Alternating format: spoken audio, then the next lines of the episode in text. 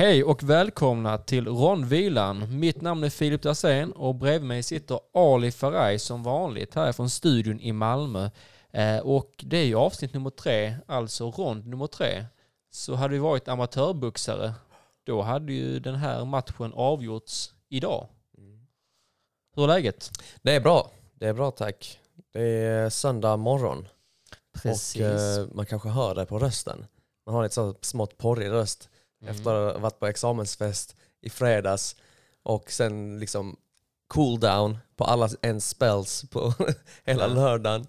Och sen, eh, ja, nu är vi här. Hur har din helg varit Filip? Den har varit bra. Eh, gick in på Pluto TV, bara lite olika streamingtjänster igår, så var det dansk proffsboxning från Royal Arena, den, Oh. den stora arenan i Köpenhamn. Eh, Oliver Meng eh, boxades eh, oavgjort. Det är inte ofta en skandinavisk boxare inte vinner i Skandinavien, men det hände vid två tillfällen i alla fall. Så Igår? Var, yes. Så det var kul att se. Hände det två gånger igår? Mm. Att Va? inte en skandinavisk boxare vann. Och det var ju inhämtat motstånd. Ja, alltså inte att det var oavgjort utan att den det inte var skandinavisk vann. Inte vann ja. Det är Men, fan bra tecken. ja, det är det Hälso, faktiskt. hälsotecken. Ja, lite tuffa motstånd och så. Men, Ja. eh, nej, annars har det varit bra. Det är, man har ju suttit och taggat lite inför idag faktiskt. För vi visste vi skulle spela in idag. Så att, eh, Just det det. har blivit lite jobb med att kolla UFC och grejer. Som Ja. sagt. Mm. Bara, vet du, jag har suttit och spelat som fan. Mm. Vet Vilka spel? The Finals, är du bekant med det? Nej. Mannen, du måste testa. Det är free to play. Det är en alltså, are- arena shooter. Eh, det är inte battle royale. Alltså, det är utvecklarna från Battlefield som bara typ så är grabbar, eh, eller vad heter det, de jobbar för DICE. De bara, grabbar, vi, vi gör det här jobbet mycket bättre själva. Let's get the fuck out.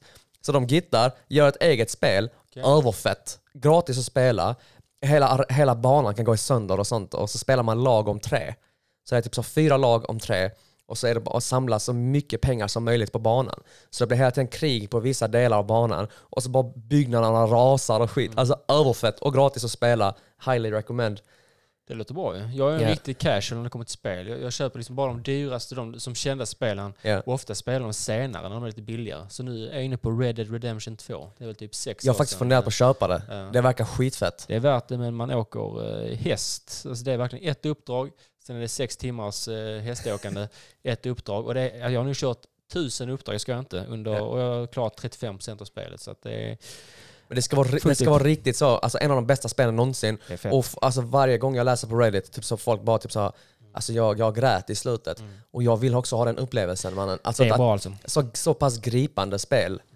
Och jag tänker, spelar man det nu så tror jag att det kommer vara ja, klart i april kanske. Så Ja. eh, det är mycket tid i alla fall. Mm. Eh, Men vi vill också säga det, det har varit eh, kul nu att sätta igång och eh, många som skriver till oss på Instagram och så. Eh, Ja. Och vi har inte fått den feedbacken, men jag kom på mig precis själv nu också.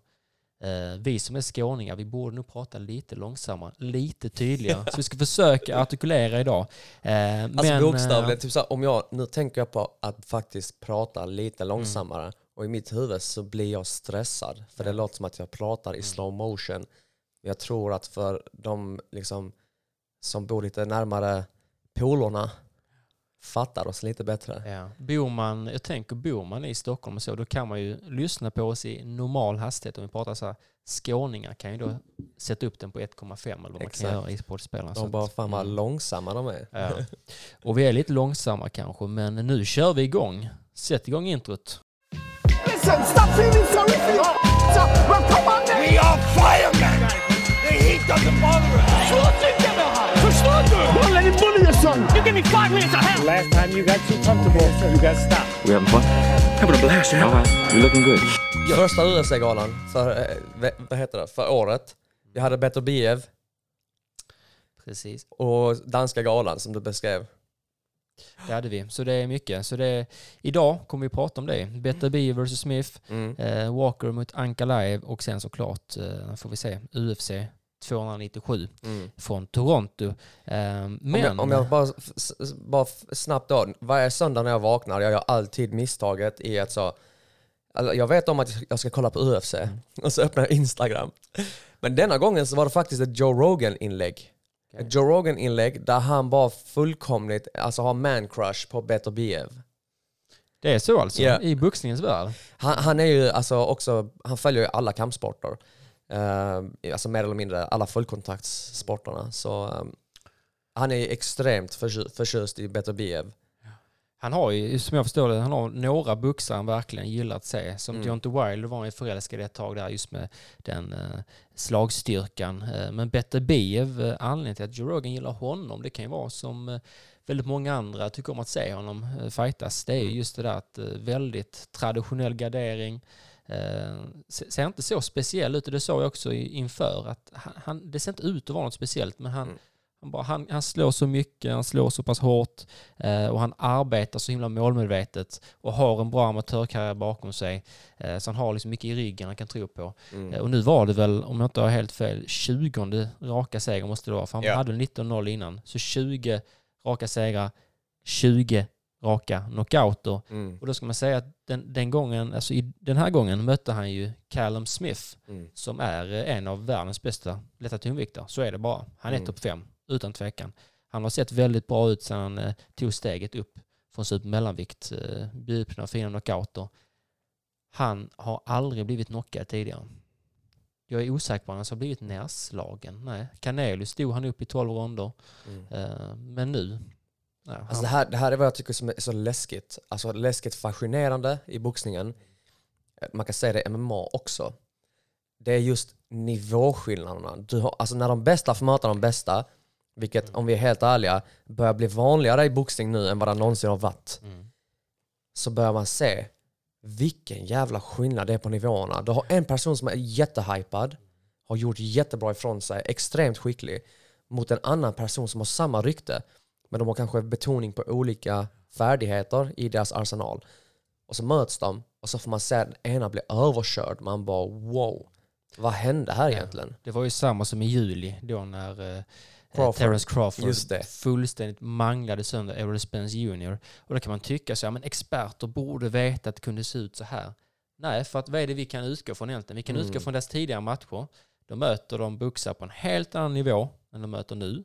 Eh, och se deras träning, men som du sa förra avsnittet, jag kan säga någon var jätteduktig på uh, mittsar, som amerikan var, när han mötte Terence Crawford. Sen förlorade han ändå på fem ronder. Eh, så att det här är intressant. Och Beterbiev, eh, Callum Smith har inte mött någon som är så bra. Han har mött Canelo Alvarez, men han är så pass mycket lättare Mm. egentligen och eh, mindre än Beterbiev. Så att Beterbiev hade ju kört över Canelo i en match eh, och det är för att de är olika viktklasser primärt.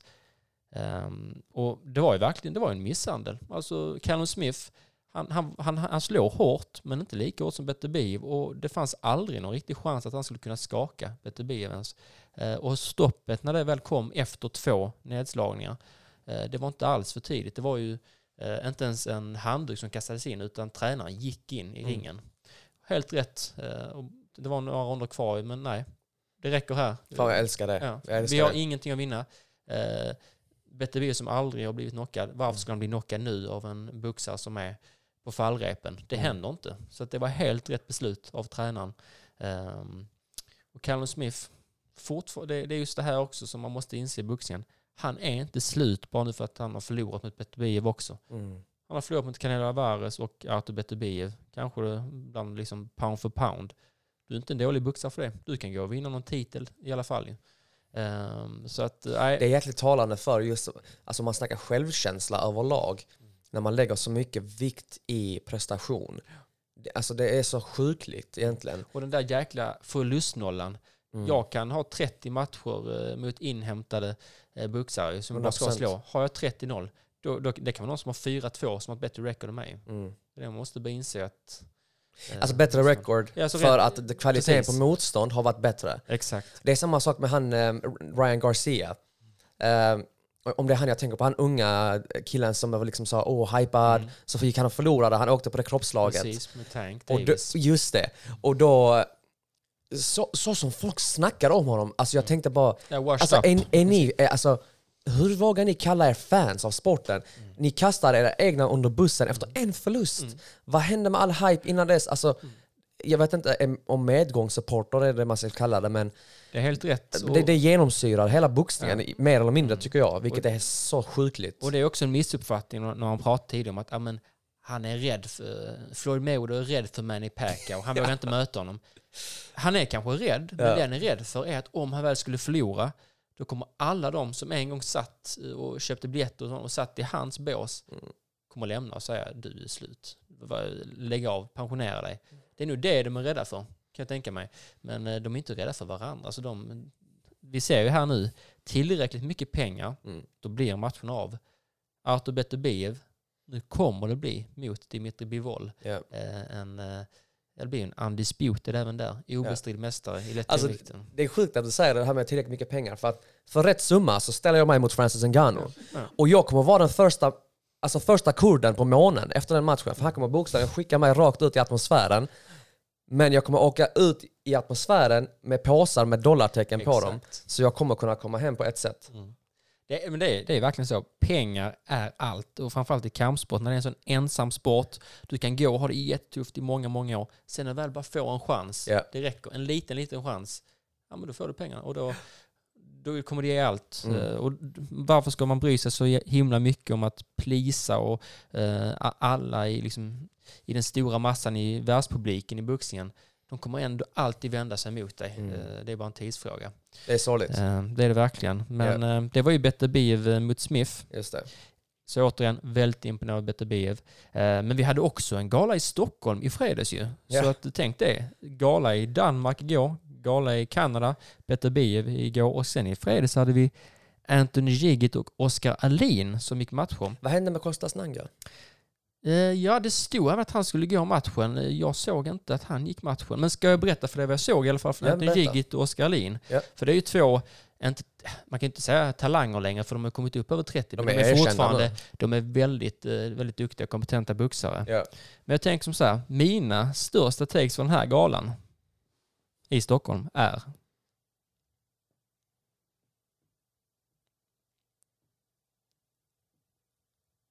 Dina största takes? Mm, det var detta. Ja. Vet du varför? Tystnad? Eh, och det var kanske inte tyst där inne, men jag är ju väldigt intresserad av eh, boxning. Jag skulle säga att jag är rätt högt upp bland folk som är väldigt Jag intresserade är av beredd att boxning i hålla Sverige. med om att du är väldigt intresserad av Eh, boxning. Det är jag ju. Ja. Men jag har inte sett en sekund från den här galan. Ja. Eh, jag har inte ens sett hur ringen ser ut i princip. Jag, jag vet inte. Det var på Nalen i Stockholm, men det är ju Mm. som så här. De vägrade Mm. tv-sända galan. De vägrade ge streaming. De vägrade folk att köpa biljetter. För detta var då, nu säger jag väl rätt, för det finns många olika gubbar i svensk boxning, men Björn Rosengren, och han har ju varit eh, erkänd ordförande länge, 25 år tror jag han var ordförande i Svenska boxningsförbundet. Mm. Men det är en historia, det är inte så många som vet vem han är idag skulle jag tro, av yngre lyssnare. Ja. Ehm, hans 80-årskalas måste det varit, jo, Mm. för, jo 80 år. Grattis Bobo. Mm, grattis gubben. Eh, och där var ju många inbjudna. Carl-Johan Persson var där till exempel. Mm. HMs styrelseordförande. Eh, han och hans far och familj är goda för ja, 250 miljarder där omkring väl i Det Ramsbury Invest. Så det är bra pengar. Det är slant. Eh, jag är inte god för så mycket pengar och jag kommer inte in där. Och jag tycker det är jag tycker det är en skam, för jag Mm. vill faktiskt ge en shoutout till en som är nu Sveriges största boxningsfan just nu, Håkan Johansson. Mm. Eh, Det är en kille som åker överallt. Han har varit på Madison Square Garden, alltså verkligen åker överallt. Sett Jiggit i USA. Mm. Får en svensk en fight någonstans, då åker han dit. Så fett. Han kunde inte, han hade inte Han heller inte någon... komma in. Nej, han fick inte komma in. Han hade ingen eh, eh, så, direkt information om galan heller. För jag tänkte om inte han vet det, då är det något riktigt problem. Mm. Eh, och detta är ju så mycket bredare än bara den födelsedagsfesten som var i fredags. Mm. Eh, ska vi ha galor i Sverige där vi bara bjuder in? Jag kan tänka mig att det var från högre samhällsklasser, kan jag ju tänka mig, eh, som var där ju. Så Ehm, äckligt. Ja, och det just, låter- eh, Ja. alltså, för vi ställde faktiskt en fråga på story, vad tycker ni? Mm. Och det var ju folk som var inblandade där som till och med skrev, jag ska inte säga vem det var, men Nej. eh, vissa inblandade, nej, det var inte så bra.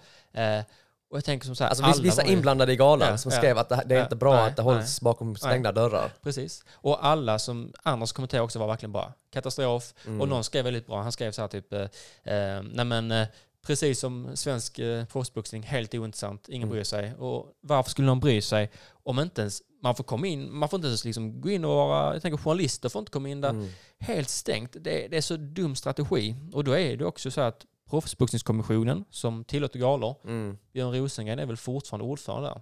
Så att det är liksom som att, ja, men, att den kommissionen har en egen gala. Mm. Nu anordnar vi den här galan, vi ger okej till den galan, men vi låter inte några fans komma in. Och jag har inget emot att man firar honom, det är jättebra. Men Mm. varför gör man inte ett större firande och faktiskt också sätter dit en läktare eller någonting eh, så att folk får komma in och kolla? Att, 100%. eh, vad tycker du rent så allmänt? Stängda Det jag galor? hör är det här maktfullkomlighet.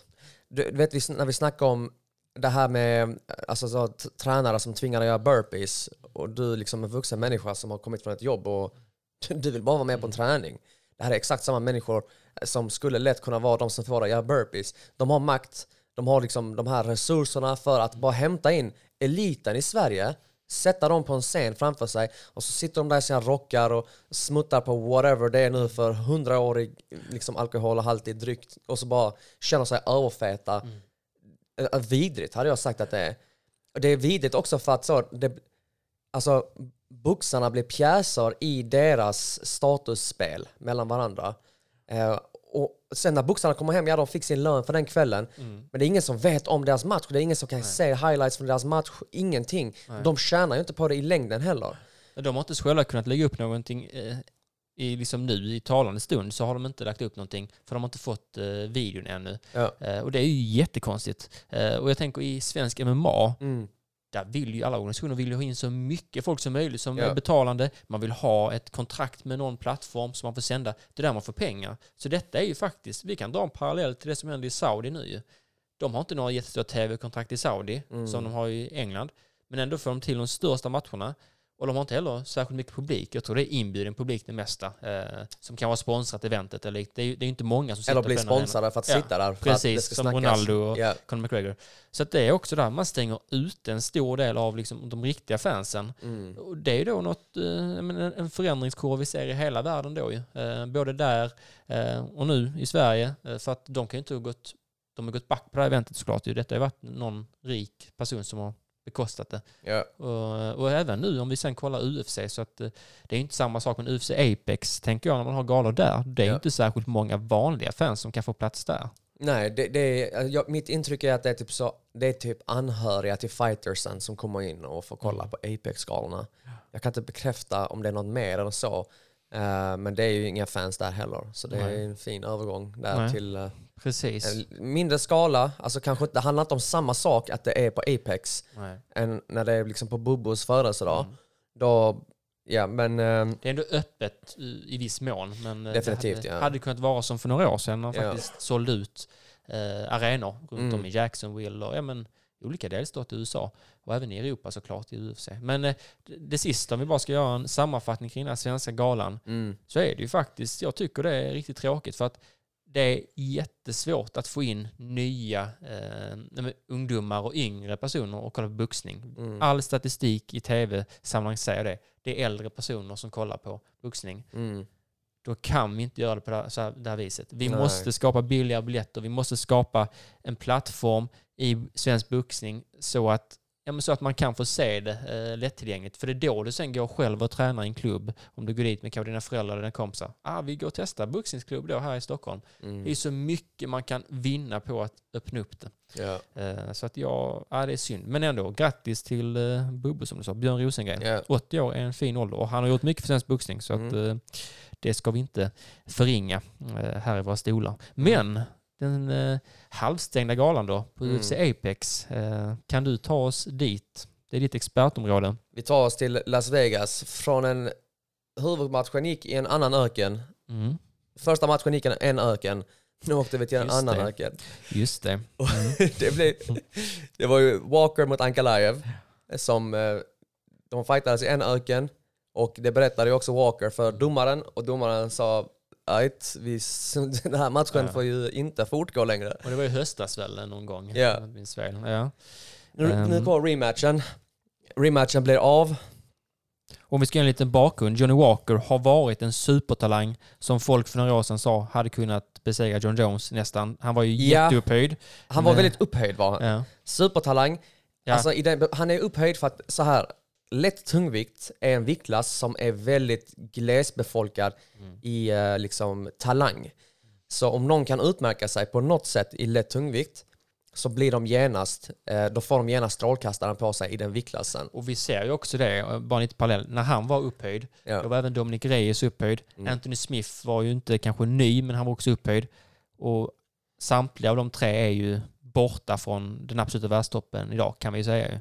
Ju. Eh, Alltså, Det är jag beredd att hålla med om, Ja. ja. Men så skillnaden är att Reyes och Anthony Smith, de var uppe och slog som titlar och de var uppe i rankingen, så de fick ju erkännande för att de var rankade. Johnny Walker kommer in och gör sjuka grejer i buren, han gör sjuka intervjuer, i hans vinstfirande slår han sina axlar ur led och grejer, alltså bokstavligen.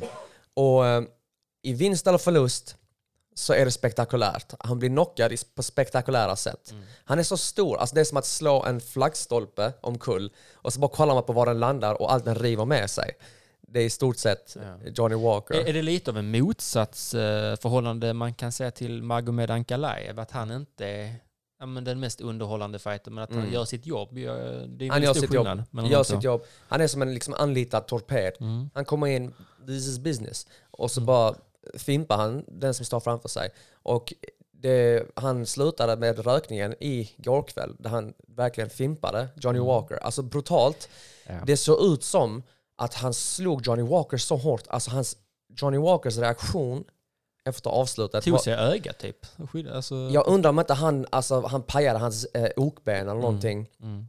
För att, du vet, fighters, ingen är rädd. Går du in i buren, vi vet redan att du är liksom modig. Punkt. Han tog slaget, åker ner i backen och tar sig för ansiktet i vad som ser ut som panik. Han, han, Ja. åkte, åkte, förlåt, han åkte ner i backen, får ett till slag, Slag och till. Mm. så bara täcker han för sitt ansikte. Och ögat nästan, det var nästan han satt och höll på ögat känns det som. Och när en Eh, fighter reagerar sådär, alltså en människa som under en, i sin livstid är liksom en professionell smärtehanterare. Deras jobb är att få sig själva att se så icke skadade ut som möjligt. När de reagerar så här, då är någonting riktigt fel. Och, och på reaktioner och så under själva matchen, så länge den var, den var ju eh, en rond och lite till, två Ja. ronder när det tog slut. Eh, det är ju återigen, det är ett facit på det. De, jag vet- hade väl sett statistik på det, de som får in rena träffar på sig och sen gör grimaser och du vet försöker eh, spela bort det. Vad är deras förlustprocent egentligen? Det känns som att de alltid förlorar, den Mm. typen av fighters som, eh, som Johnny Walker. Eh, och jag tänkte att han har varit runt på lite olika gym, men han har nu varit på SBG i Irland, Conor McGregors gamla, eh, eller nuvarande gym men Ja. han är ju inte där så mycket, med Ryan Kavanaugh i sin hörna. Han har varit där i fem år. För jag Mm. vet att han var... John Kavanagh. Ja, ja, John Kavanaugh. Mm. Jag vet att han var i Tristar innan Mm. med Sahabi, men nu Ja, är han, är, ju han, då... är, han, är, han har hittat, hittat fäste nu på SBG. Jo, Han, han var till och inte med... Vad har hänt där? Vad, vad har hänt under de åren? Eh, Alltså det är lätt att säga nu för att han förlorar en match, Mm. men han har ju sett bra ut. Alltså fram tills nu har man sett positiva förändringar eh, hos Johnny Walker. Alltså i hans striking, hans disciplin och så. Men jag tror bara att Ankalaev var nog steget för mycket Mm. för honom. Ankalaev, alltså det, det, det, det finns fighters som kan vinna mycket på atleticism och så klistrar de på fighting skills på det. Mm. Sen har du Ankalaevs som är formade av kampsport hela sitt liv. De blir atletiska av kampsporten men de har blivit atletiska av just kampskills. Och det är det som gör Ankalaev så farlig. Han är, en, han är en atlet och en kampsportare rakt igenom. Och en sak jag reagerar på var ju att Men också- Ankalaev... Ja, så. Också pisstråkig att kolla på. Alltså, Ja, men jag tyckte idag tyckte jag inte, eller nu i morse tyckte jag faktiskt inte det, för jag, Ja. han, han, han gav ju bort inga ledtrådar alls Mm. i början. Han hade bara en tät gardering, Mm. gick framåt. Johnny Walker, han gav bort alltså hintar både till framtida motstånd också, om de har haft ett analysteam, hans framtida motståndare. ja. Det är som ett godisbord. Mm. Okej, han gör det här med den anden, han gör det där, och så gör han den sparken, och så tar han sats och så gör han detta. Mm. Eh, om man jämför med vad de, den som möter Ankalaev nästa gång har Ja. ett väldigt mycket svårare jobb att scouta honom jämfört med Walker. Ja. Det var som en bok. Liksom, Okej, då skriver vi upp denna, det är hans attack.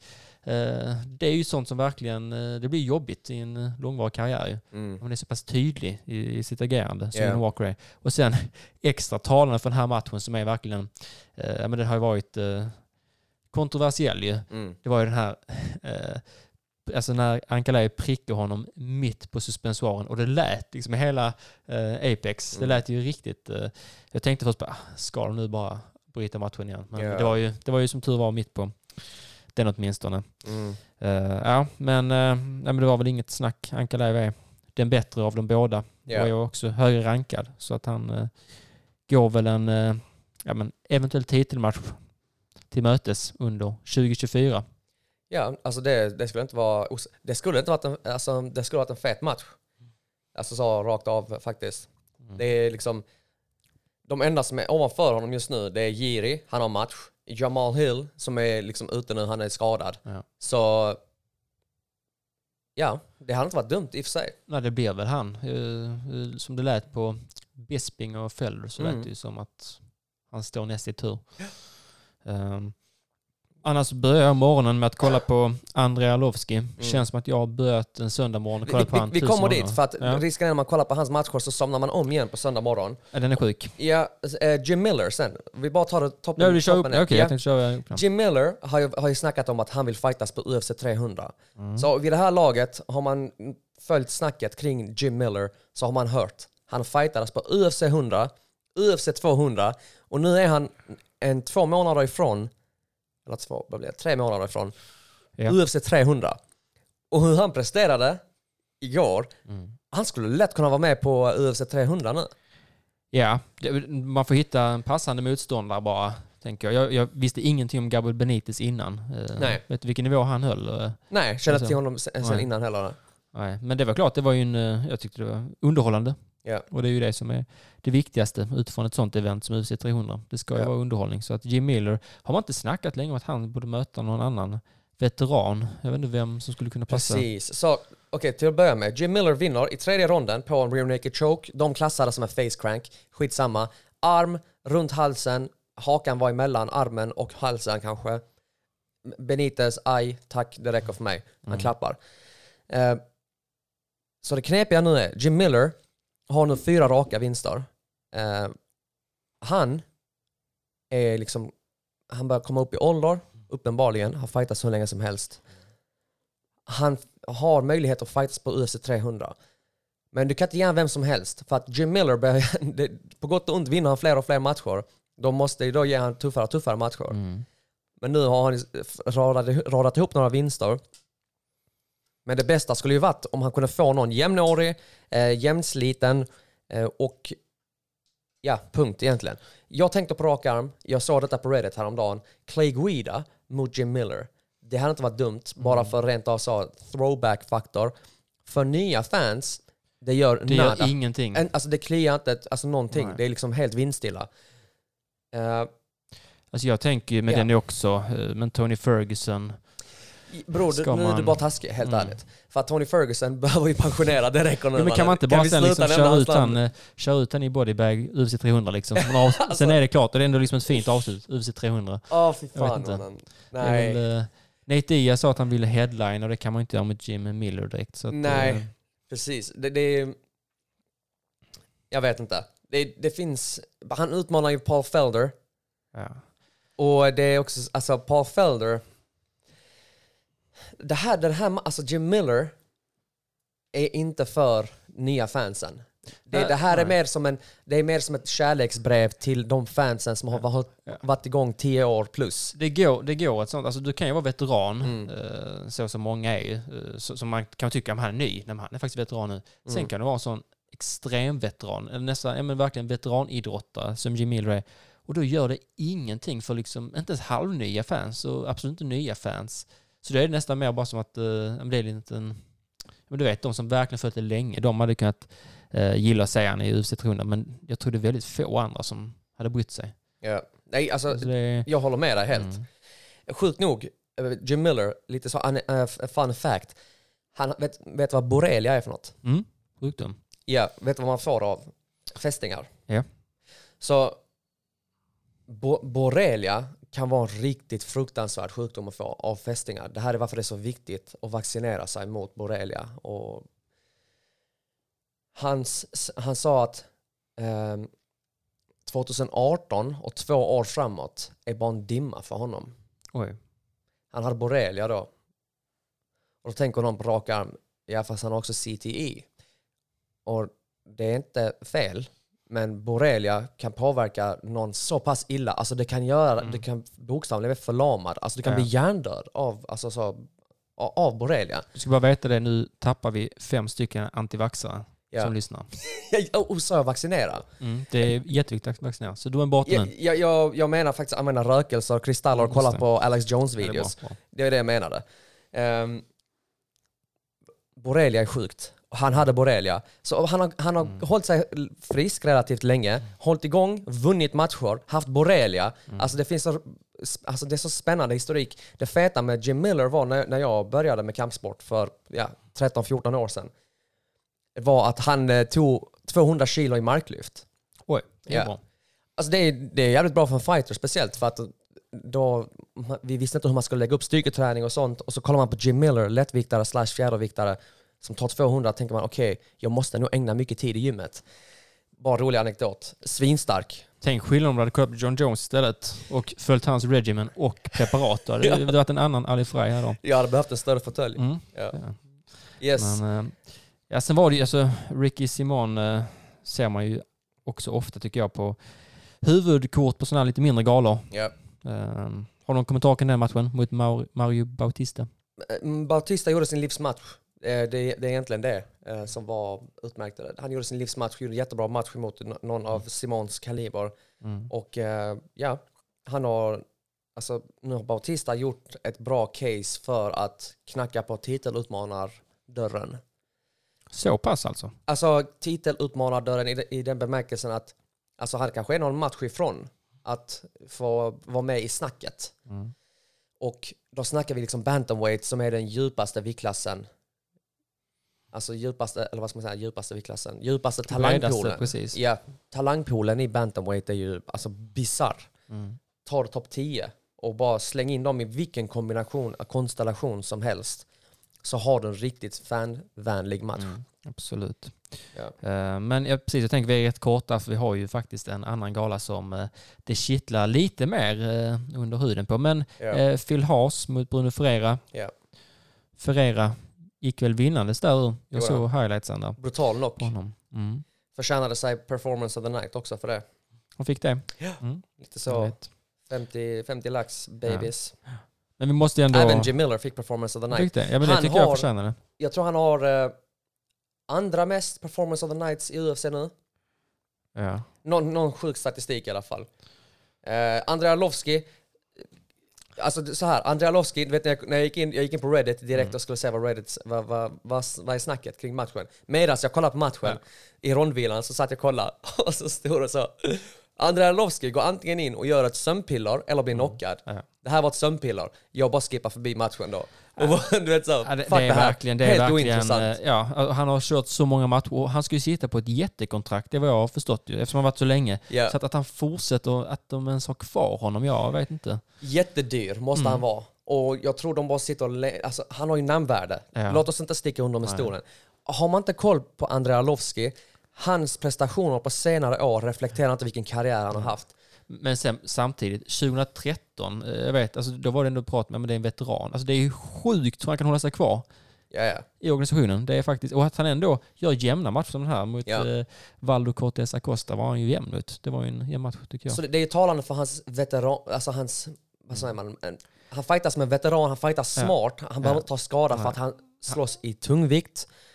En träff räcker. Och han Ja, har blivit knockad så många gånger så han, Han, kan inte fightas gå in smart. i, han kan ju inte gå in i de eh, riktigt jobbiga matcherna längre där det blir liksom byteslag. Det går ju inte. Han, har ju Ja. inte, han är ju så pass sliten väl, både kropp och haka, men ändå så, ja. Det Innan, innan vi lägger locket på den här galan. Mm. En annan match som fick performance of the night. Det var Marcus McGee mot eh, Gaston Bolanos. Gaston Bolanos representerar Peru. Andra matchen i UFC. Innan UFC, kolla på hans matcher. Han eh, sök på hans highlights om man är intresserad. Sjukt fet fighter. Kommer in i UFC dock och kan inte riktigt leverera det han har levererat hittills. Gjorde en bra match i första matchen dock. Men den här matchen var alltså under all kritik eh, gentemot vad, vad som förväntas av Bolanos. Han är en extremt skicklig striker. Har nog bland flest snurrande armbågsknockouter i MMA. Innan UFC dock. ja. Och nu blir han knockad av någon som inte alls den strikern som han är. Så ehm, det är talande för MMA också. Det är inte bara striking, självklart. Mm. Men eh, ja. Ja, men eh, det kittlar ändå lite nu när man börjar prata om UFC 297 som går av stapeln 20 januari, alltså nästa helg. Och jag tänker bara svenskkopplingen, eh, Alexander Gustafsson mot John Jones första gången. Det var just i Toronto, Ontario i Kanada, där det skedde. Och numera heter eh, Toronto Maple Leafs arena Scotiabank Arena. Innan tror jag den hette Air Canada Center, om jag inte har helt fel. Mm. Eh, där vi har haft en hel del svenskar som har varit och spelat under eh, i Mats Sundin och Börje Salmingen. Mhm. Säger du det någonting, de namnen? Faktiskt. Ja, ja. bra. Det är bra. Nu blir jag Ja. nöjd. Börje Salming, Mm. Börje Salm, han har ALS vet jag. Han är död. Ja, han dog av Mm, sin ja. ALS. Ja. precis. Han dog nyligen. Ja, precis. Ja. Eh, har Så- man det även? Nej, då har man... Eh, han är död, ja. Mm. Ja. Men Mats Sundin är också en stor eh, NHL-spelare som för detta. Och nu har vi Och William Peter Nylander där. Forsberg. Nu ska jag bara flexa. Men han var inte i Toronto. Nej, Mm. men jag ska bara flexa Ja, min eh, sportkunskap. Nej men det, Ja, är men- alltså, det är liksom stora ikonerna känner Det är, man till. det, det är en klassisk arena som Ja. de kommer ha den här matchen på och hela galan på. Eh, och jag tänker vi ska väl ändå börja med huvudmatchen. Ja. För jag tror att... Alltså, för det första, när var det egentligen, un- ungefär vilken månad var det som Strickland besegrade Adesanya? Det är inte så länge sedan. Vad kan det vara? Det är ju... Det känns som ett hundra år sedan med tanke på allt man har Ja. sett Sean Strickland gå igenom. Det har varit en stor del av min vardag Mm. att se Sean Strickland. Eh, Men det är ju några månader sedan. Ja. Det var i Australien, september, oktober. Nionde, eller, nej, tionde september. Ja, september. Mm. Eh, och då vet vi det att Sean Strickland åkte till Australien som eh, en av en, en otroligt stor underdog. Mm. Det var väl egentligen ingen som trodde på honom. Och han åkte dit som Crocodile Dundee med hatten i högsta hugg och eh, sparrades med Anton Turkalj inför och hade ju show på sin presskonferens.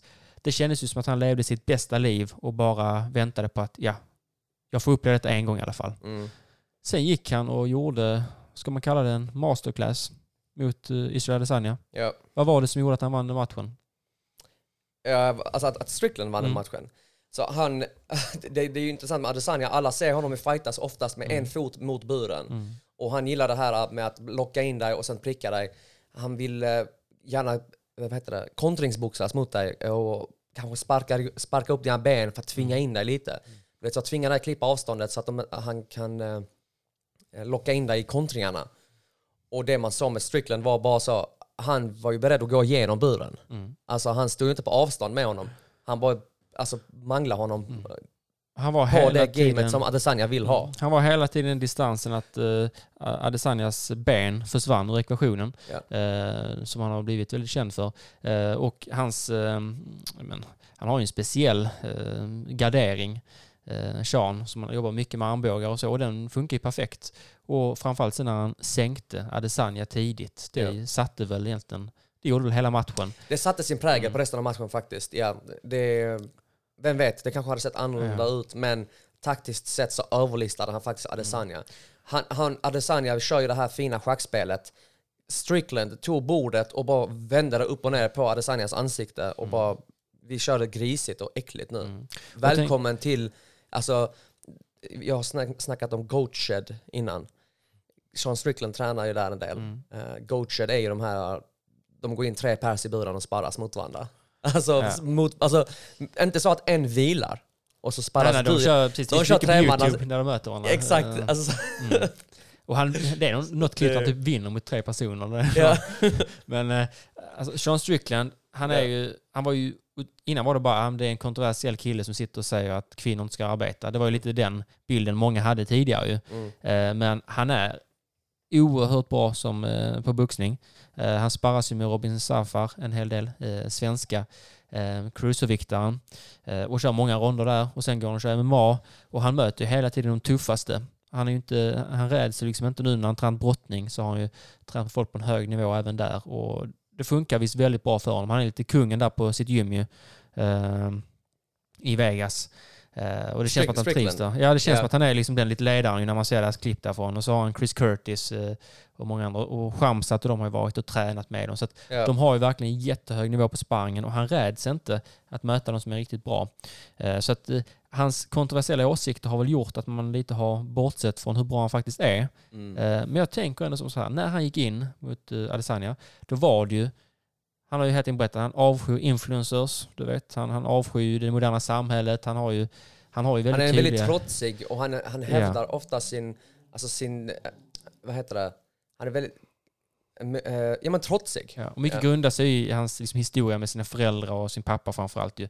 Eh, och då är det som så, något som är intressant där tycker jag, det, för, det var innan han var hos Joe Rogan, då blev han ju superkänd får man ändå säga. Då fick han ju sitt genombrott. Mm. Eh, och han har hela tiden varit tydlig, han avskyr influencers och så. Nu har han då istället gjort en annan sak. Eh, jag vill säga som så här, alla civilisationer, jag är historielärare så, alla civilisationer Mm. Får ju sin uppgång och sitt fall. Så är det med alla civilisationer, romarriket och så. Det kan ta flera tusentals år, det kan ta hundratals år.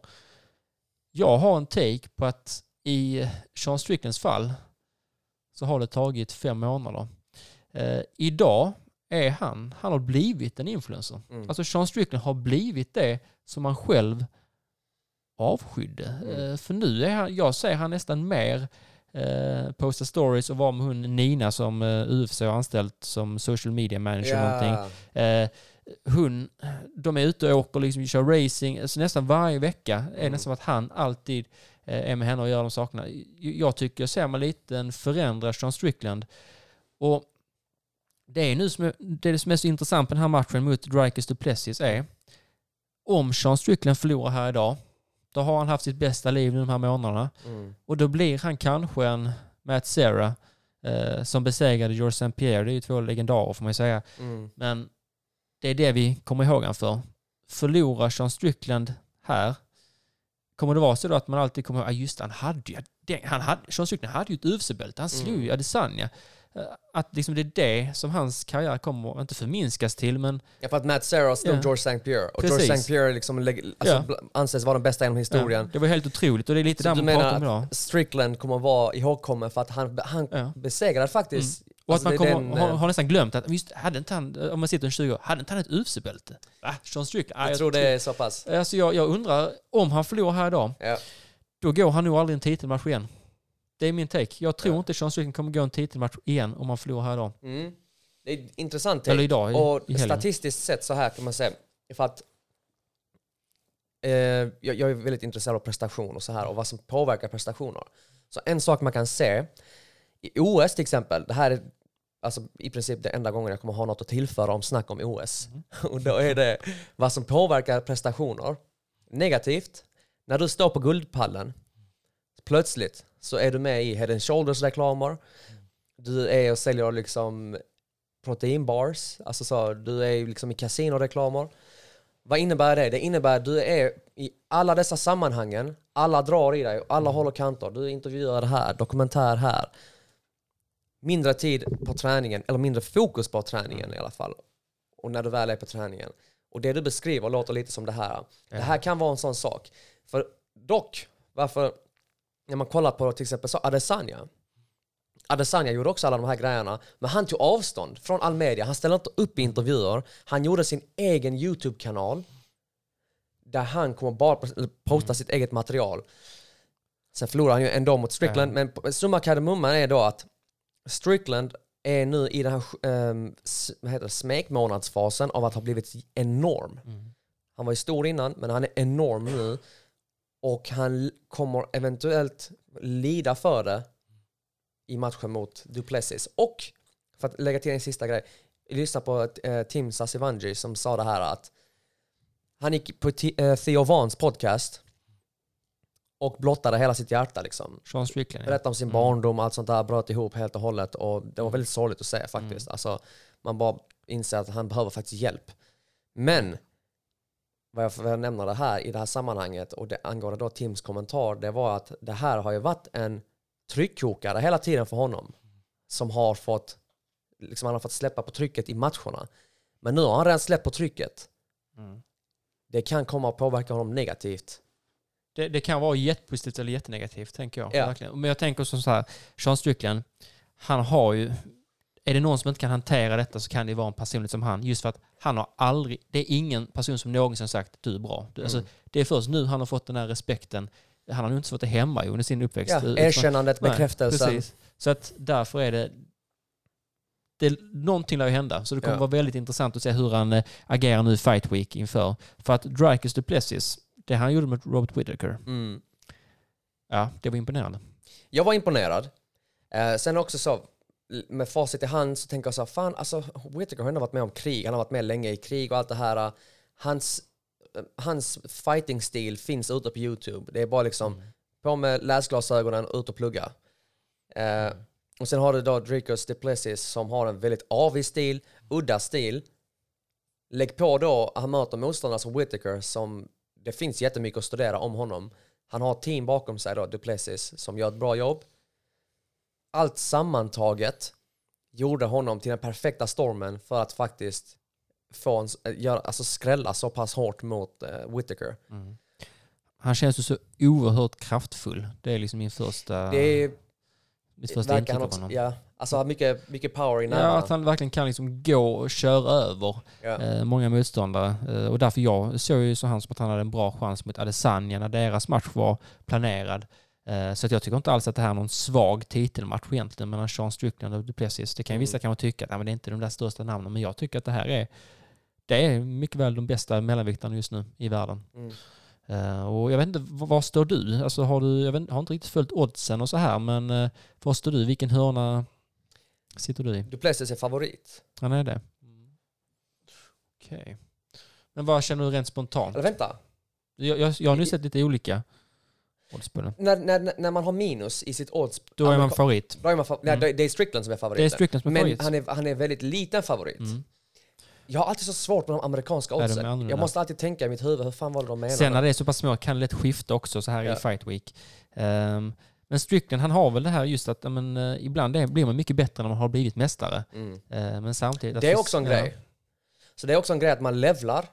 För det- det är så här när man, när man snackar, när man... När det är någon som tävlar för första gången och sånt. När de kommer tillbaka till träningen, plötsligt är de mycket bättre. Bara för att de gick in i match, test, alltså verkligen testade sina färdigheter under press. Och de får svart på vitt, det här, det här jag gör funkar skitbra, de litar på det mycket mer. Det här jag gör, gör funkar inte lika bra, det kan jag gö- göra om istället. Och eh, Ja. Ja, så Och det är jag- också en faktor. Och jag tänker de här åren som Sean Strickland har varit i livet, han har ju under varje dag i hela sitt liv gått in till alla sammanhang som en underdog. Mm. Med sin uppväxt, Ja, med sin start i UFC. Han har alltid varit en underdog. ja. Hade jag varit Duplessis hade jag kört väldigt mycket på det att du är favorit, du är inte underdog, det är du, du ska försvara bältet. Mm. För att Strickland kommer ju förmodligen vilja få med sig den underdog-känslan även här. Ingen kommer tro att jag kan försvara bältet, Eh, alla kommer snacka skit och så här. Men jag tror verkligen på den att Duplessis kan nog eh, trycka på det att du är favoriten. Det är Mm. du som har slagit Adesanya. Jag kom bara hit och fått en chans. Ehm, för jag tror att det är viktigt för Strickland nu att fortfarande känna det att han är underdog. Mm. Trots att han kanske egentligen inte rent eh, numerärt är det. Ja.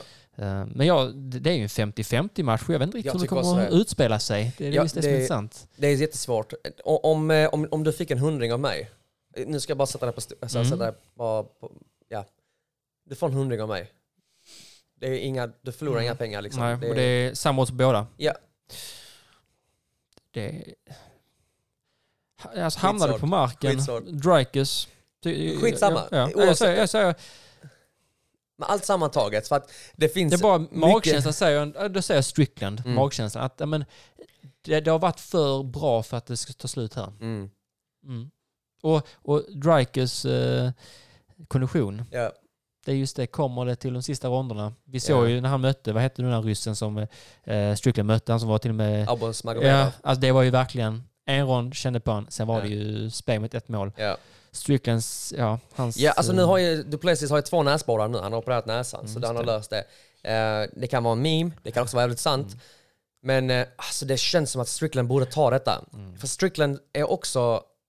Alltså det finns material på honom där han förlorar, men det finns också så, nu finns det också bevis på vad han gör mot de bästa Mm. i världen. Och han är, båda två är villiga att gå in i elden Mm. och de skiter i hur mycket brännskador de tar. Det, är, det handlar bara om att det är de som Mm. kommer ut överlevande i den här matchen. För det är lätt att se på Strickland och tänka, men, jo, men han har ju blivit sänkt tidigare. Jo men, Mm. alltså det var mot den bästa striker, den bästa strikers i världen. Mm. Eh, det här är ju, jag tänker att han borde ändå kunna, om man kan rida ut stormen eh, så borde han kunna lösa det. Jag tror att han, hans psyke, jag tror, att, jag tror det håller faktiskt. Vet du, jag tror, jag tror på Deshaun. Deshaun Mm. Strickland Mm. kommer nog ta det här. Eh, jag kan tänka mig att det här blir en fight of the year contender. Tänkte precis säga det. Nu, alltså, då, ingen av dem kommer att backa, backa Nej. av. Det kan bli en riktigt bra match i en gala som inte alls eh, lyfts upp som de andra som Ja. kommer senare. Men att detta ändå kan bli en sån match man eh, minns. Eh, det är rätt vicklas, det är rätt killar som uh, går matchen. Just det. Um, Ska vi eh, kolla kika lite, lite, på... på, huvudkortet? Mm. För huvudkortet, vi har, sen har vi också en match om det vaka- vakanta bantamviktsbältet. Mm. Och eh, eh, det är också intressant co-main event. Eh, vi har också Neil Magny som fightas, vi har Chris Curtis på huvudkortet. Sen har vi också en riktig banger, Arnold Allen mot Mm. Movsar Evloev. Eh, men bara för att ta, toucha lite på brudarna lite då också. Mm. Eh, och fy fan vad det lät fel. Skitsamma. Fuck me, det skulle jag inte sagt sådär. Men eh, eh, jag tappar fokus helt nu mannen. Jag kan, det är jag som i den här podden är sämst på eh, kvinnliga MMA. Så du är nog eh, du är fri där. Så, alltså, jag kan säga så här. Raquel Pennington, Ja. Så jävla cringe. Ja, Skitsamma mannen. faktiskt- Uh, Raquel Pennington då. Eh, vi såg henne i, eh, vad heter det? Det var länge sedan vi såg henne, vill jag komma fram till. Det var länge sedan vi såg henne. Men hon tog en vinst av Ketlin Vieira. Mm. Och nu får hon då chansen att slåss om det vakanta bantamviktsbältet. Mm. Har inte jättemycket egentligen att lägga till om. Raquel Pennington har fightats hur länge som helst. Överfett. Eh, Vi såg henne i Ultimate Fighter för länge sedan. Eh, det här viktklassen, jag vet inte varför jag bryr mig om den här viktklassen. Alltså helt ärligt. Enda anledningen är för att Panny slåss där. Mm. Eh, så det här är basically för mig är det här, okej, vem av dessa brudarna kommer Panny eventuellt eh, få fightas mot när hon Mm. kommer upp till bältet?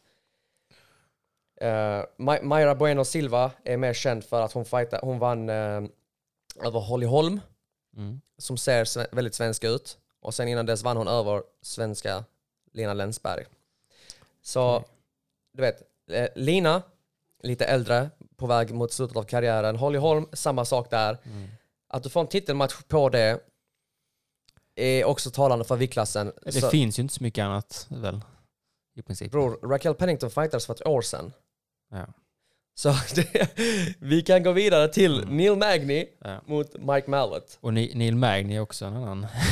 och den varianten. Men eh, Mike Mallet, eh, jag är inte så inläst på honom. Kan du upplysa mig om något lite om honom? Jag ser att det är en Contender Series fighter. Ja, han är Mm. grön. Han är Mm. grön, eh, eller alltså grön i den bemärkelsen att han är ny i UFC. Mm. Han har vinster av Mickey Gall. Eh, jag såg han mot eh, Adam Fuggett senast, Mm. som också för övrigt är ett jävligt roligt namn. Ehm, Och, ja, och vi kan bara säga det här mötet ju Neil Magny. Ja. Det känns ju verkligen som en sån match på att slår man Neil Magny, Mm. då blir man intressant och liksom att Dana White lägger lite extra. Eh, det, det är en sån typisk, ja men, du vet trappstege. ja. Neil Magny och Jeff Neal är ett av de trappstegen. ja, vi kallar det för grindvakt. Mm. Du vet, eh, vad heter det? Gatekeepers. Så de, är, de, de står där och vaktar toppskiktet i viktklassen och så står Neil Magny där. Kan du ta dig igenom Neil Magny så har publiken kvitto på att dina färdigheter håller för toppskiktet. Mm. Och Mike Mallet kommer då ta sitt, eh, han har 10-1 och sex raka vinster. Alla matcher på avslut. Så det kan bli stökigt. Det kan bli stökigt. Och det, det, det roliga är då med Magny, för att han gjorde rätt så bra match, eller rätt så, han fick ju stryk mot, eh, vad heter han, Wag. Um, hans fru som är Wag, som är, de bor med Gary, eh, Ian Gary. Ian Gary. Ehm, Precis. han fick ju jättemycket stryk mot Ian Mm. Gary sist. Men han var stryktålig. Och det är inte bra för karriären långsiktigt. Men att han är stryktålig mot en up and coming talang säger man ändå att okej, han är fortfarande stabil i den rollen som en gatekeeper. Men eh, han möter en avslutare nu. Mm. Så den kan bli intressant. Nu är vi inne på fel väg här. Du har sagt brudar fyra gånger och du kommer ihåg Ian Gary för hans fru.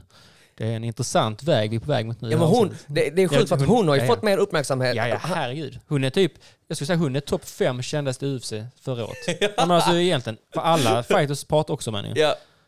Bror det där är så, det där är så stört hela den grejen. Det, är, det ger mig en klump i magen. Mm. Men eh, vi kan komma på, när, när Ian Gary väl ska slåss så kommer vi ju snacka om det. Absolut. Chris Curtis mot Mark Andrade Barrion. Mm. Så Chris- Chris ja. Curtis, Sean Stricklands enda kompis, typ som Sean Strickland säger, och han hatar honom ibland. Men han eh, Så den vi- på... videon, han, eh, typ youtubern som utmanade dem.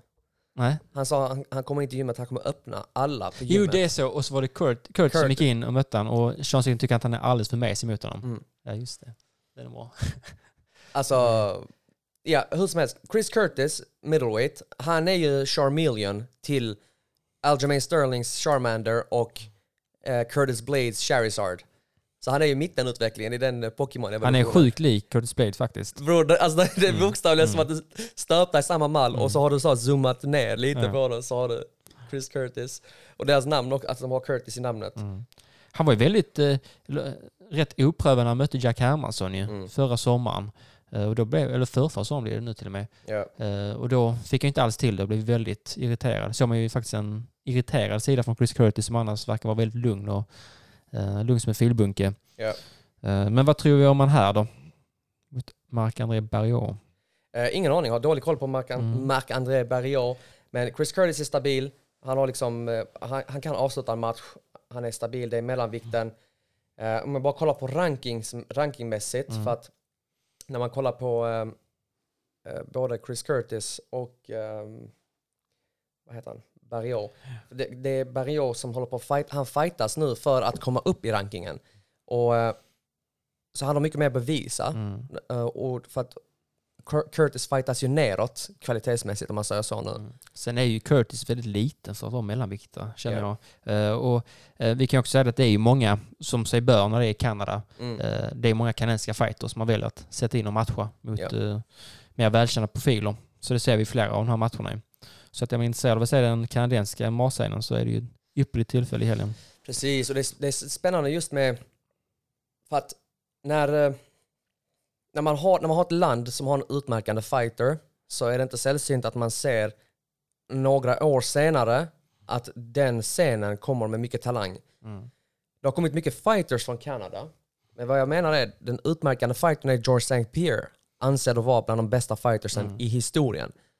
Men vi har inte sett den nivån från Kanada sen Nej, dess. det är ju Rory McDonald, det var också i, i princip samma tid ju, bara lite senare. Så Precis. Att, eh, sen Och- dess har det ju varit... Mm. Rory McDonald utmärkte sig inte för sin, alltså sin genialiska gameplanande och strategi nödvändigtvis.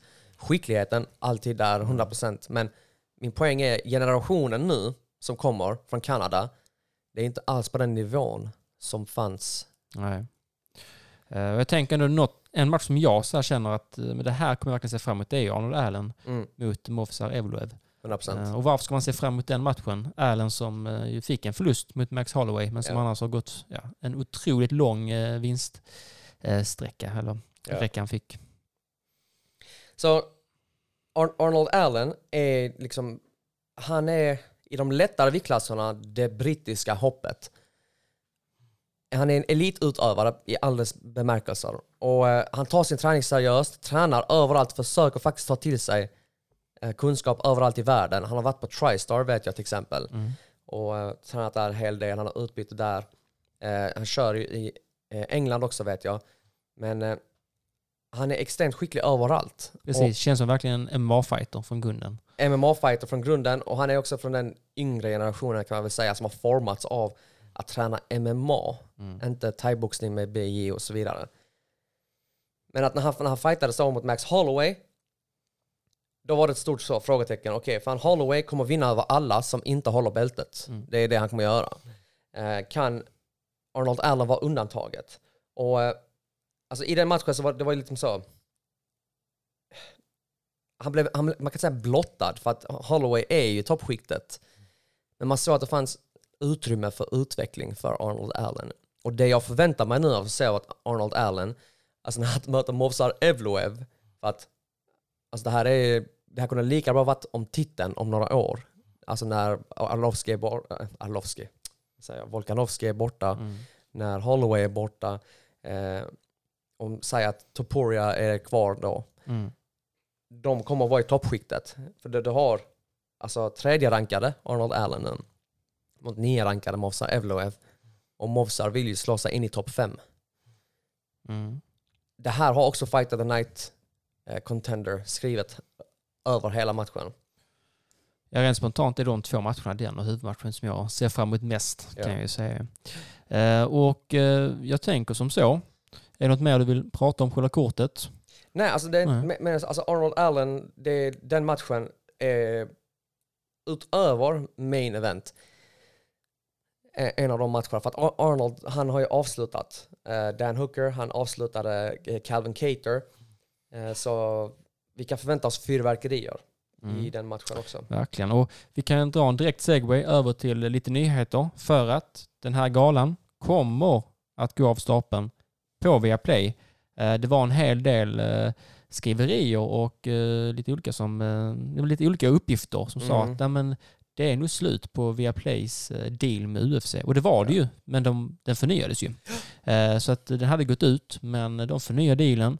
Eh, Hur känner du rent? Var du väldigt positivt inställd till detta? Att de Absolut, absolut. Det, det, Mm. det gynnar alla. Att vi får någon, någon som sänder UFC i Sverige gynnar alla. Mm. Jag tror det hade varit svårt för andra eh, sändande bolag. Det är egentligen bara TV4 Play och eh, Discovery och båda de två har ju haft eh, även de ekonomiska bekymmer så att jag tror inte de var så sugna på att göra en hel ny satsning på kampsport. Mm. Du vet när jag hörde att. Viaplay hade ekonomiska bekymmer så gick jag in och köpte aktier direkt. Oj, Ja.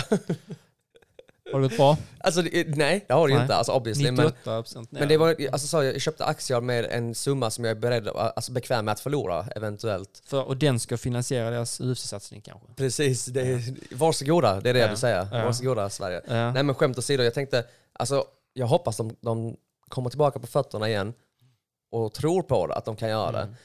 Mm. Eh, och gör de det så, uh, ny utrustning till studion. Ja, eller hur? Och jag tror ju som så att eh, de valde ju att ha kvar svenska kommentatorer och skandinaviska kommentatorer. Ja. Det kan man tycka är sådär, jag vet inte. Det kan man också ställa som en fråga till lyssnarna. Hur många är det som lyssnar på engelska kommentatorer?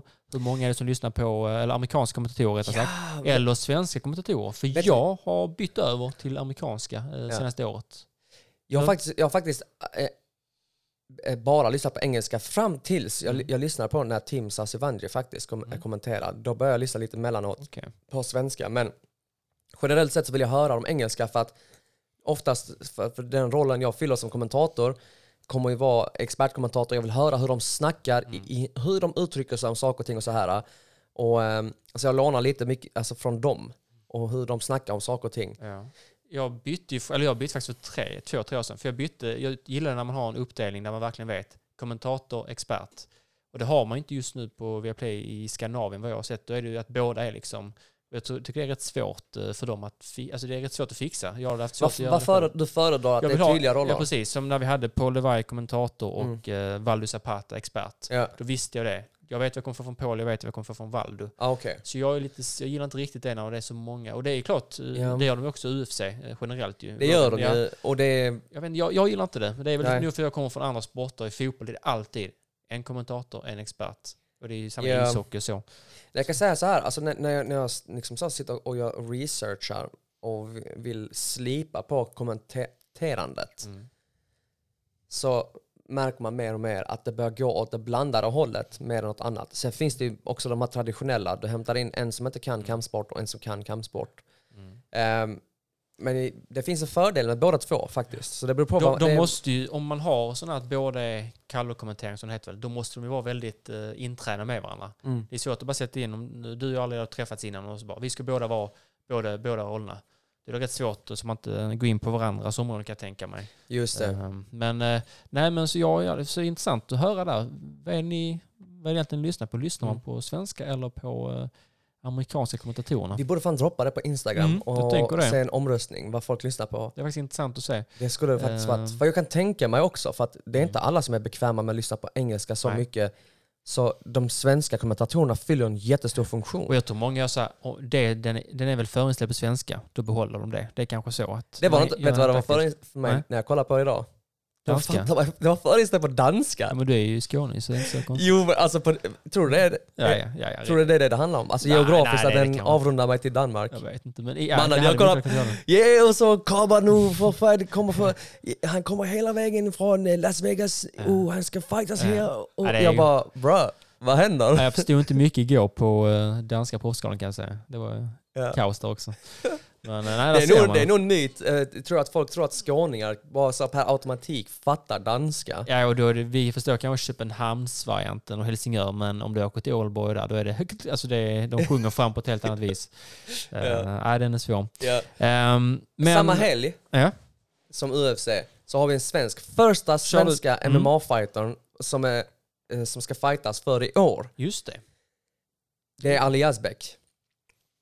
Ali Yazbek, träningskamrat till mig sedan Mm. många år tillbaka såklart. Och eh, han har på ett år, eller lite över ett år, Mm. eh, Jag säger så här, hisspitch. ja, Berätta nu, vi, vi är en hiss i en och en halv minut. Varför ska jag kolla på honom? Ali Yazbek har gått fyra matcher på lite över ett år, avslutat alla förutom en person, har mött svenska mästare och besegrat dem och avslutat dem. Eh, har mött internationellt motstånd, avslutat både på marken och med huvudspark, eh, knockout. Kan göra allt. Vill du stå upp med honom så kan han ta ner dig och låsa ut dig. Vill du gå ner och brottas med honom så kommer han möta dig med ett knä, armbåge, slag rakt mellan läpparna och släcka dig. Ali Yazbek har avslutat alla förutom en motståndare. 4-0. Åker nu till Abu Dhabi och ska fightas. Oljepengar, anyone? Mm. Så Gärna. han får äntligen möjligheten. Han kommer öppna kortet klockan 15.00 ungefär svensk tid. Fightas han på Fight Pass. Det går att se. Har du Fight Pass, vilket jag förmodar om man lyssnar så har man Fight Pass. 15.00 på söndag. Om frugan vill gå ut och ta scones i lokala fiket, säg till henne ah, älskling jag har lite ont i magen, jag kan inte. Låt henne gå ut och fika. Och så sitter du hemma och kollar på Ali Yazbek när han fimpar en snubbe ifrån Mellanöstern och kammar hem sin femte raka vinst som professionell fighter. Snyggt. Och om man sitter kanske i andra städer än Malmö och tänker så ja men det lät bra och så. Finns det något sådär som är speciellt med honom också, bara något privat? Någonting du har som bara, ja men det är kul att veta. Kul att Kul veta. fakta. Ali Yazbek pluggar på Lunds universitet till ekonom. Det är sånt jag gillar att höra, för att då vet man att han eh, ja, har både saker i hjärnan och i näven alltså. Mm. Definitivt. Så han är inte bara någon att räkna med i buren. Han kan även räkna åt dig utanför buren. 100%. Ja, ja. Det är bra. Så har ni problem med att räkna ihop eh, kaffepengar och sånt, då har han, är han snabbast i huvudet alltså. Speak. Ja, Spik. grymt. Ja, det är faktiskt riktigt kul. Och som du sa, då är det faktiskt den första svenska fightern som eh, går en match. Första svenska ja. fightern för i år Mm, som ska fightas Mm. som professionell, Ali Yazbek, Mm. i Abu Dhabi. U, U, eh, vad heter det? UAE Warriors Arabia. De har ju så tema, Arabia, Mm. då vill de gärna ha folk med arabiskt påbrå. De har Afrika, folk med afrikanskt påbrå. Jäkligt kul, jag, jag Ja. gillar det konceptet. Och f- ja. Även smått, det kan vara lite smått så, oh, skevt, men Mm. också fett För sätt. att väva samman detta här, och det är intressant, jag har ju en Newcastle-tröja på mig, det är Saudiägt, det är också ganska stängt, men eh, vårt tema har ändå varit lite kring det här öppenhet och stängdhet kring galor. När jag stänger in min data här, kommer den här galan vara stängd för eh, allmänheten? Vad tror du? Kom, I- kan jag köpa en biljett om jag skulle vilja åka och se Asbäck, eller Asbäck? Yazbek. Mm. 100 procent. 100 procent kan du göra det. De, eh, det ja, det är öppet för allmänheten och det Mm. finns på Fight Pass. Det är bara att skaffa ett abonnemang om, om du mot förmodan inte har det redan. Och så ser ni Mm. vår första svensk för året fightas. Ja. Och eh, om det är någon rik eh, snubbe som lyssnar på avsnittet, då kan vi ta sponsring och åka ner, tänker jag, ringside och 100 eh, se på honom. Och då måste vi ha flygbiljett också. Men vi måste veta det innan tisdag i alla fall, för vi ska planera hemma och så med jobb och grejer. Precis, och jag vill gärna ha en extra stor säng för att jag vill kunna rulla runt när jag rör mig. Exakt. Äh, Täcket får gärna vara ett speciellt material som är Mm. skonsamt mot min hud. Jag får lätt utslag. Eh, Jag äter Ja. bara frukt ifrån söder om ekvatorn. Eh, Nötterna får gärna vara eh, särskilt plockade typ dagen innan högst. Annars inga krav egentligen. Nej. Vi tar oss gärna dit. Som ni hör, det är två nötter som sitter och pratar i Malmö i studion. eh, I det som heter rondvilan. Och nu har det varit en rondvila på en timme och åtta minuter. Det är rätt skönt att ha en sån lång rondvila ibland, framförallt på en söndag. Eh, Så att när ni får ut det här i lurarna och, eh, ja, och kan se oss på YouTube så hoppas jag att ni ger oss en tumme upp och eh, fortsätter. Vi uppskattar extremt mycket när ni uppskattar det vi gör. Så att, eh, ska vi dra vårat Ciao. ciao. Listen, stop feeling sorry for oh, your Well, come on then. We are firemen! The heat doesn't bother us. Förstår du? Don't let him bully your son. You give me five minutes of hell. Last time you got too comfortable, you got stopped. We having fun? Having a blast, Al. All right. You're looking good.